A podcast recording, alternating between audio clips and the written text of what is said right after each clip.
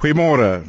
Vers 2 tot 7 van hoofstuk 12 val binne 'n omraming of anders gestel 'n omarming. Die prediker is lief vir hierdie bou van verse. Vers 1 is die opening van die omarming en vers 8 is die sluiting daarvan. Binne in die omarming skilder die prediking die ou dag. Elke jong mens moet op een of ander stadium oud word.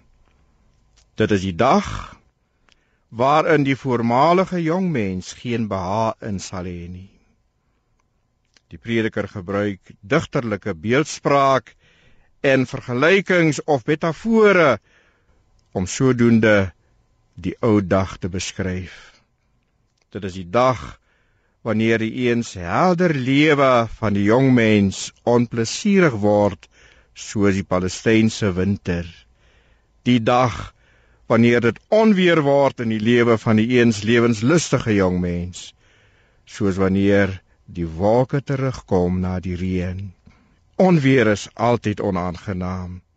Meeste kwale en pyne tuister die liggaam wanneer dit onweer is.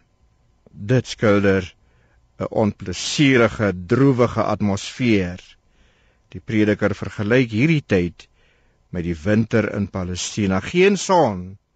As daar sonskyn is, is dit swak en die lug is altyd bewolk. Elke jong mens se lewe beweeg in hierdie rigting. Hieraan kan niemand veranderings bring nie behalwe God en Christus Jesus. Daarom dink aan jou Skepper voordat hierdie dag aanbreek. Amen.